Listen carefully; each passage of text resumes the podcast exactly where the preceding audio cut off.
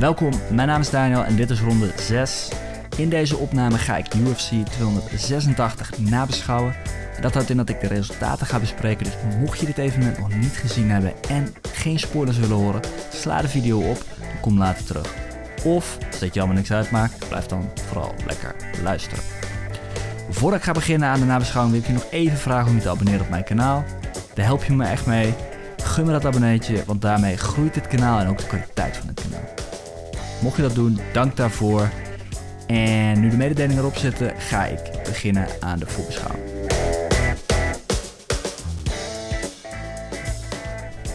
Oké, UFC 286 zit erop.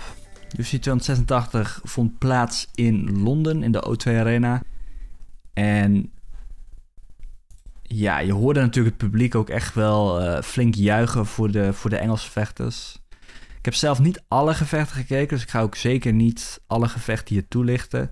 Misschien een paar uitblinkers. Maar ik ga het over het algemeen hebben over de twee gevechten die bovenaan het, ja, de laatste evenementen eigenlijk, het laatste gevecht van de avond.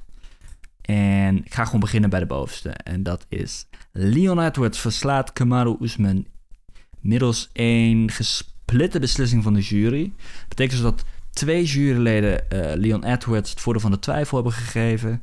En nou, normaal gesproken krijgt de andere vechter dan het voordeel van de twijfel. Maar dat was hier ook niet het geval. Nee, het was de andere jury gaf gelijk spel. Dus twee gaven de, het voordeel van de twijfel aan Edwards en één had gelijkspel.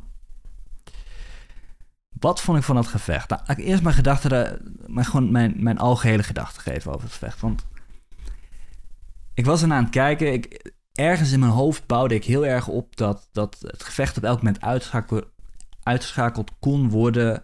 Vanwege het feit dat Kamaru Usman natuurlijk... Zijn handen zijn steeds krachtiger geworden. Hij heeft steeds meer tegenstanders uitgeschakeld met zijn handen. En we zagen natuurlijk in het vorige gevecht... Uh, Usman versus Edwards 2... zagen we dat Edwards Oesman ook zeg maar elk moment uit kon schakelen met een, met een trap tegen het hoofd. Dus vandaar dat ik ergens in mijn hoofd opbouwde dat het ja, dat er gewoon een spanning in zat van oh, elk, elk van de heren kan, kan de ander elk moment uitschakelen. Maar dat in het gevecht, zeg maar naarmate het gevecht vorderde, verdween dat gevoel een klein beetje en zag ik dat ze gewoon aan het punt vechten waren. En dan had ik in mijn voorbeschouwing gezegd van joh, als de, de heren gaan puntvechten, dan denk ik dat op het einde Oesman de beslissing in zijn voordeel krijgt. Omdat, ja, als je kijkt naar Oesmans, ja, naar Oesmans statistiek, de gevechten die hij in het verleden heeft gehad. Ik kan eventjes zijn cv erbij pakken. Kamaru Oesman. Als je kijkt naar de gevechten die hij in het verleden heeft gevochten, dan zie je gewoon op het moment dat hij dat het gevecht naar de jury gaat, dan zie je dat dat hij die gewoon altijd wint. Kamaru Usman is echt een puntvechter. Dat is ook hoe hij eigenlijk van hè, Tyron Woodley in, het, in zijn eerste titelgevecht heeft gewonnen. Door gewoon met volume en met punten zijn tegenstander uit te schakelen eigenlijk. Of ja, niet uit te schakelen, maar gewoon het voordeel van de twijfel krijgen van de jury. Dus dat is ook een beetje wat ik, wat ik in mijn hoofd had. Ik dacht, oh, oké, als het naar de jury gaat, dan zal Oesman winnen. En als... Uh, als, um, hè, als, het, als het gevecht beëindigd wordt, dan geef ik Edwards toch, um, toch een grotere kans daar. En ja, daar zat ik dus helemaal naast. Want je ziet dat Leon Edwards hier ook um, ja, echt punten gewonnen heeft. En dat terwijl hij in de derde ronde volgens mij een punt tegen zich kreeg, omdat hij het hek vasthield. Trouwens, echt een fuck dat move was trouwens. Ik zat ernaar te kijken. Ik dacht nog wel van... Wow, je ziet Oesman echt Edwards naar de grond proberen te halen. En je zag gewoon die vingers zo in het hek grijpen. En je denkt bij jezelf van... Gozer. Als, als Edwards dat niet had gedaan... dan had Oesman hem sowieso naar de grond gekregen. Maar goed. Heel eerlijk, in het gevecht zag je ook dat als Oesman Edwards naar de grond haalde... Dat, hij ook niet echt iets mee kon doen. Dus aan de andere kant had het heel veel verschil gemaakt. Nee, maar het was gewoon een, een grote fout van Edwards. Dus ja, Edwards heeft 120 van 161 stoten geland. Kamaru Usman heeft 87 van de 205 stoten geland. Dus Usmans output was hoger, maar zijn, zijn accuracy was zeg maar een stuk lager. Hè? Ik bedoel, Kamaru Usman 42%, terwijl Edwards 74% had. Dus Edwards was veel selectiever met zijn stoten en veel, en veel preciezer. En daarbij was het natuurlijk heel interessant. Er zijn. Uh, Kamaru Usman heeft. Even kijken. Vier van de 15 grondstoten. Uh, of uh, grondworpen heeft hij voor elkaar gekregen. Worsteltechnieken. Hè, 26 procent. Is ook niet. En als die Edwards naar de grond halen. dan werd er ook niet heel veel mee gedaan. Als ik heel eerlijk moet zijn. Dus als je daar naar kijkt, dan zie je gewoon dat Edwards defensief heel sterk was. En dat is hij ook eigenlijk altijd. Edwards is niet zo heel offensief. Is altijd heel selectief met zijn stoten en heel sterk defensief. Dat was ook hier het geval. En dat was heel anders dan het vorige gevecht. Je kan zien dat uh, Oesman Edwards 2, dat dat gevecht dat dat op hoogte zich afspeelt, dat kan zomaar echt een groot effect hebben gehad de vorige keer. En hier had dat dus minder een effect, want Edwards bleef gewoon scherp uh, gedurende de vijf rondes.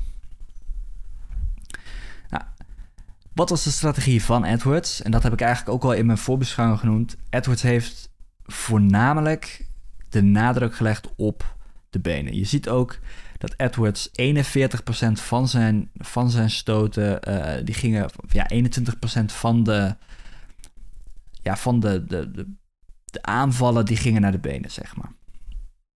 Oesman 65% naar het hoofd. Dus dat was duidelijk waar de nadruk lag daar, zeg maar.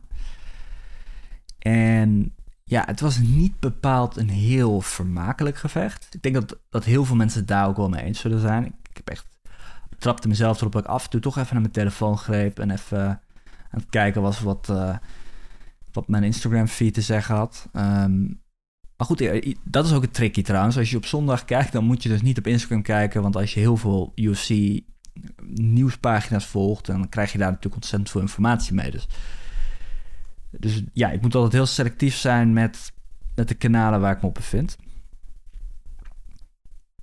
Maar goed, de resultaten zijn daar. Het gevecht heeft zich uitgespeeld. En wat gebeurt er dan op het einde? Leon Edwards wordt gevraagd naar Colby Covington. Covington zit, uh, zit, aan, de, zit aan de ring. En als ik heel eerlijk moet zijn, en ik zei dat, dat zei ik ook in mijn voorbeschouwing, volgens mij, ik zei van joh, punt is met Gaethje en Covington allebei, dus op het moment dat zij één keer winnen, dan schreeuwen ze gelijk om een titelgevecht.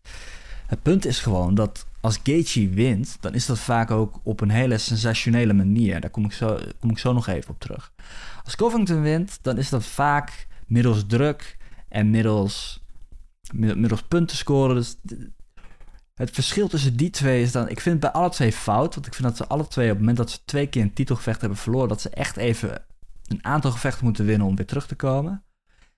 Maar Justin Gaethje laat tenminste in zijn terug, terugkerige gevechten... laat hij gelijk zien dat hij nog hongerig is... en dat hij jonge gasten nog kan uitschakelen... En dat hij nog bij de top van de divisie hoort. Daar waar Colby Covington natuurlijk wel iets heeft laten zien in dat gevecht tegen Masvidal, maar niet geen overtuigende prestatie daar neer heeft gezet. En nu, Edwards had helemaal geen oren naar. Die zei ook in het, in het interview daarna, zei hij zo van... joh, luister, ga eerst maar eens vechten. Ga maar eens naar Miami en, en kom later een keertje terug... als je wat, wat, wat, uh, wat, gevechten gewonnen hebt. Maar goed, er werd in de persconferentie werd Dana White gevraagd... naar wie is de volgende mogelijke tegenstander. En toen heeft hij eigenlijk al meteen gezegd... Covington is de volgende tegenstander van Edwards dat gaan we zien. Edwards versus Covington. Ja, dat, eh, dat is wat het is. Dat is wat het is. Ik denk dat Edwards daar problemen gaat ervaren. Ik zou het ook heel, ja, heel vreemd vinden als Covington nu weg gaat met de titel. Nadat hij twee keer van Oesman heeft gewonnen. Vervolgens van Edwards, of verloren. Twee keer van Oesman heeft verloren. Volgens van Edwards wint, middels druk en punten mogelijk. En dan uiteindelijk toch de titel in bezit heeft. Daar waar gasten als Shimaev en Rakmanov opkomend zijn. Veel meer, veel interessanter zijn als, als uitdagers voor de titel.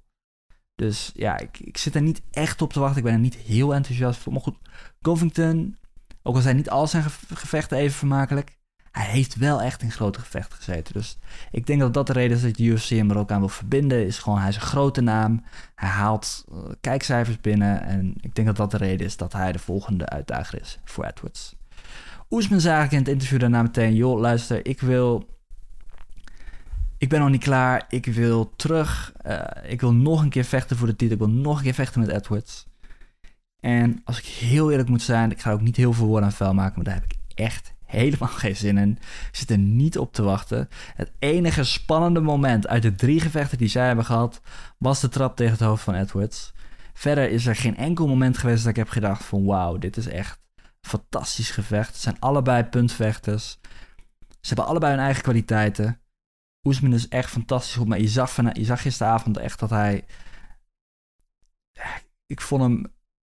Ik vond hem niet zo dynamisch. Ik vond hem niet zo scherp. En zijn benen werden echt, echt kapot getrapt. En je ziet gewoon dat zijn beweging echt, echt zwaar afnam. Dus nee, ik ben niet geïnteresseerd in een vierde gevecht tussen die twee. Ik hoop heel eerlijk gezegd dat Oesman... Wat heeft hij nog te bewijzen? Hij heeft vijf keer...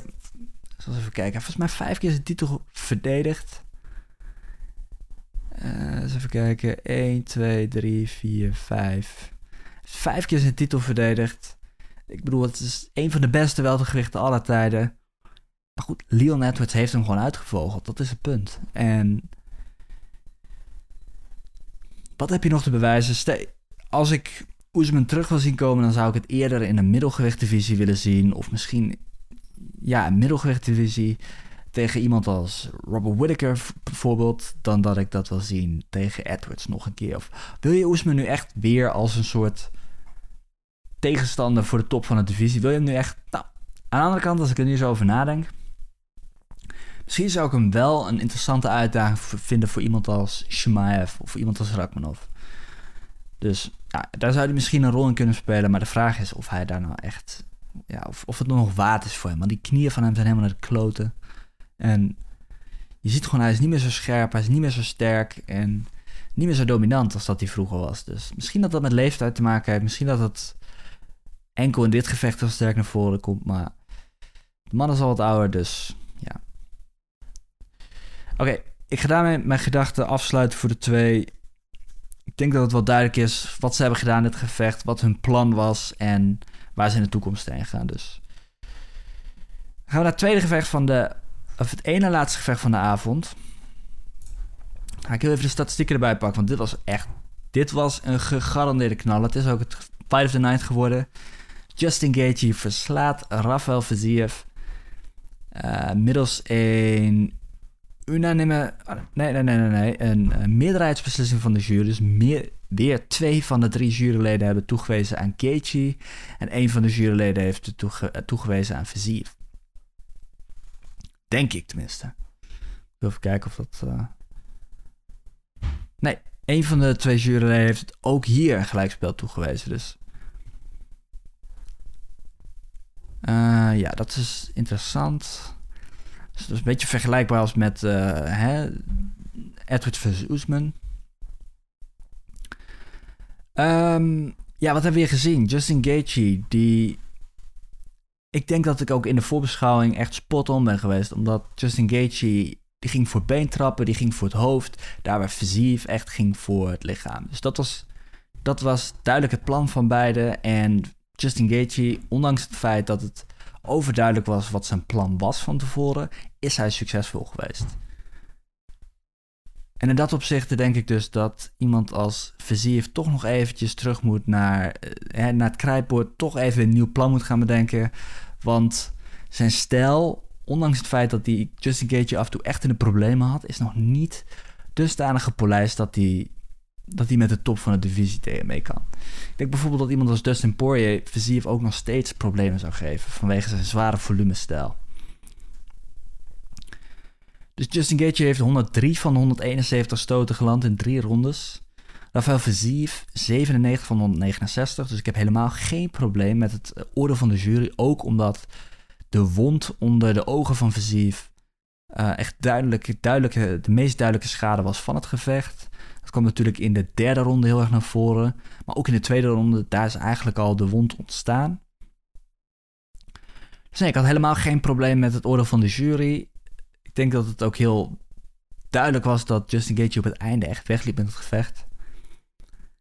En Justin Gaethje, een van de drie worptechnieken geland. Ja, ik, ik, ik noemde nog in mijn voorbeschouwing, ik dacht, ik zie de kans heel klein dat Justin Gaethje er gebruik van gaat maken. die man heeft een, een, een, een gestoorde achtergrond in worstelen. Ik bedoel, op de middelbare school had hij 200 potten geworsteld. Hij, heeft, hij, heeft, hij is in divisie 1 worstelaar.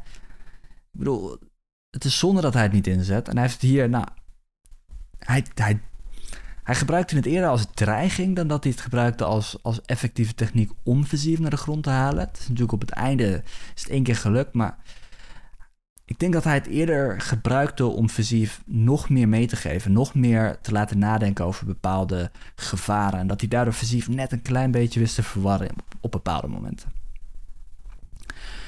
Dus ja, het was een knaller. Het was precies waar het, uh, het, was ietsje minder competitief dan ik dacht. Ik zag Keetje af en toe natuurlijk wel een probleem, maar uiteindelijk vond ik het echt wel dat Versief niet, niet, niet mee kon met, met, met de stoten van, van Gaethje. Uh, het was competitief, het was een mooi gevecht. Ik heb er echt van genoten.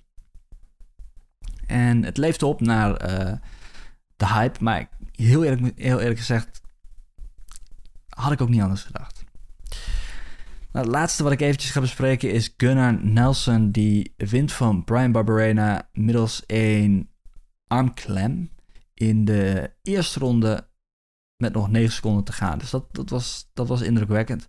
Gunnar Nelson zag er goed uit, maar goed, de gasten, ehm, de gasten van het commentaar die zeiden ook van dat Gunnar in een, um, ja, in, een, in, een, in een interview had gezegd dat hij eigenlijk liever uh, wilde lesgeven, dat hij dat belangrijker vond op dit moment dan zijn carrière binnen de UFC. En dat is natuurlijk altijd heel gevaarlijk. Op het moment dat iemand nog maar één been binnen de boot heeft, om het zo maar even te zeggen, dan, dan ga je zien dat ze eerder dat ze niet meer zo hongerig zijn en dan hongerige mensen die tegenover hen staan, dat die meer motivatie, meer drijfkracht hebben om, om het gevecht te beëindigen of te winnen. Dus vandaar dat ik denk van Nelson ook hij heeft een mooie carrière gehad. Hij is al wat ouder aan het worden. Hij zag er goed uit vanavond, maar als lesgeven zijn ding is, en je hoort het ook in het interview op het einde, als lesgeven meer zijn ding is, dan zou ik als ik hem was hem gewoon op focussen, want je bevindt je nou eenmaal in de meest gevaarlijke sport in de wereld. En dat is mixed martial arts. Als je daar één been buiten de boot hebt, dan zet je jezelf in risicovolle posities. En vanavond of gisteravond was dat misschien niet het geval. Dat betekent misschien wel dat de volgende keer als hij in een gevecht zit, dat hij onnodig schade gaat krijgen op het moment dat zijn hart er helemaal niet meer in zit. En ik vind Gunnar Nelson echt geweldig uitzien met een, met een majesteuze snor. En ja, het is een, een fantastische, fantastische gast. Alleen ja, als, wat, wat betekende de winst van vanavond nou? Ik bedoel, iemand vroeg bijvoorbeeld nog om wat, wat zou je, wanneer zou je volgende keer willen vechten? Hij zei, nou, ik, eh, ik weet het niet, ik laat dat uh, nog even in het midden. En denk ik ook van, dat zijn wel van die dingen waarvan ik denk van, het, maakt me niet warm voor een volgende gevecht van Gunnar Nelson. Dus dat is een beetje, hij heeft daar een beetje een kans laten liggen, maar als hij zich wil focussen op lesgeven, dan moet hij zich daar ook 100% op gaan focussen. En misschien is een carrière binnen de UFC dan niet meer iets voor hem. Verder denk ik dat het enige wat nog relevant is, is Mohamed verslaat Jafel Filo. Eh, volgens mij was dit in de prelims. Um, zat echt in een hele, hele gevaarlijke uh, knieklem volgens mij. En zijn been werd echt omgedraaid en het, oh, het zag er verschrikkelijk uit. Maar hij heeft uiteindelijk wel de submissiewinst gekregen in de derde ronde met nog 8 seconden te gaan. Middels een neckcrank. Ja, Mokayev is echt iemand die... Dat is echt aanstormend talent. Ik denk ook dat hij heel veel potentie heeft. Want op het moment als je kijkt naar zijn statistiek op dit moment... Hij heeft vier keer gevochten inmiddels in de UFC. Drie keer zijn tegenstanders uitschakeld middels submissie. Eén beslissing, daar was hij niet zo blij mee.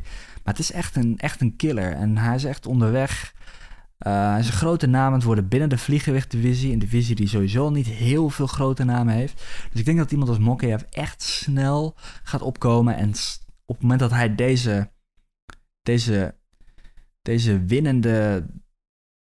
Ja, deze winst doorzet. Op het moment dat hij dat kan blijven vasthouden. Dan denk ik dat hij ook echt een grote, een, grote uitdaging kan worden binnen de, binnen de vliegenwichtdivisie. Dus ja, heel interessant. Mokiev, zeker iemand die je in de gaten moet gaan houden. En ik denk dat daarmee eigenlijk het verhaal van de avond is uh, gedaan. Ik hoop dat ik mijn gedachten een beetje goed heb kunnen geven. Het is een korte, maar ik moet ook heel eerlijk zeggen, ik heb niet alle gevechten kunnen bekijken. Ik heb ze ook niet overal mijn gedachten over kunnen geven. En ja, nogmaals, abonneer op mijn kanaal. Daar help je me gewoon echt mee. En uh, mijn volgende video zal zijn de UFC 287 voorbeschouwing. Tot dan.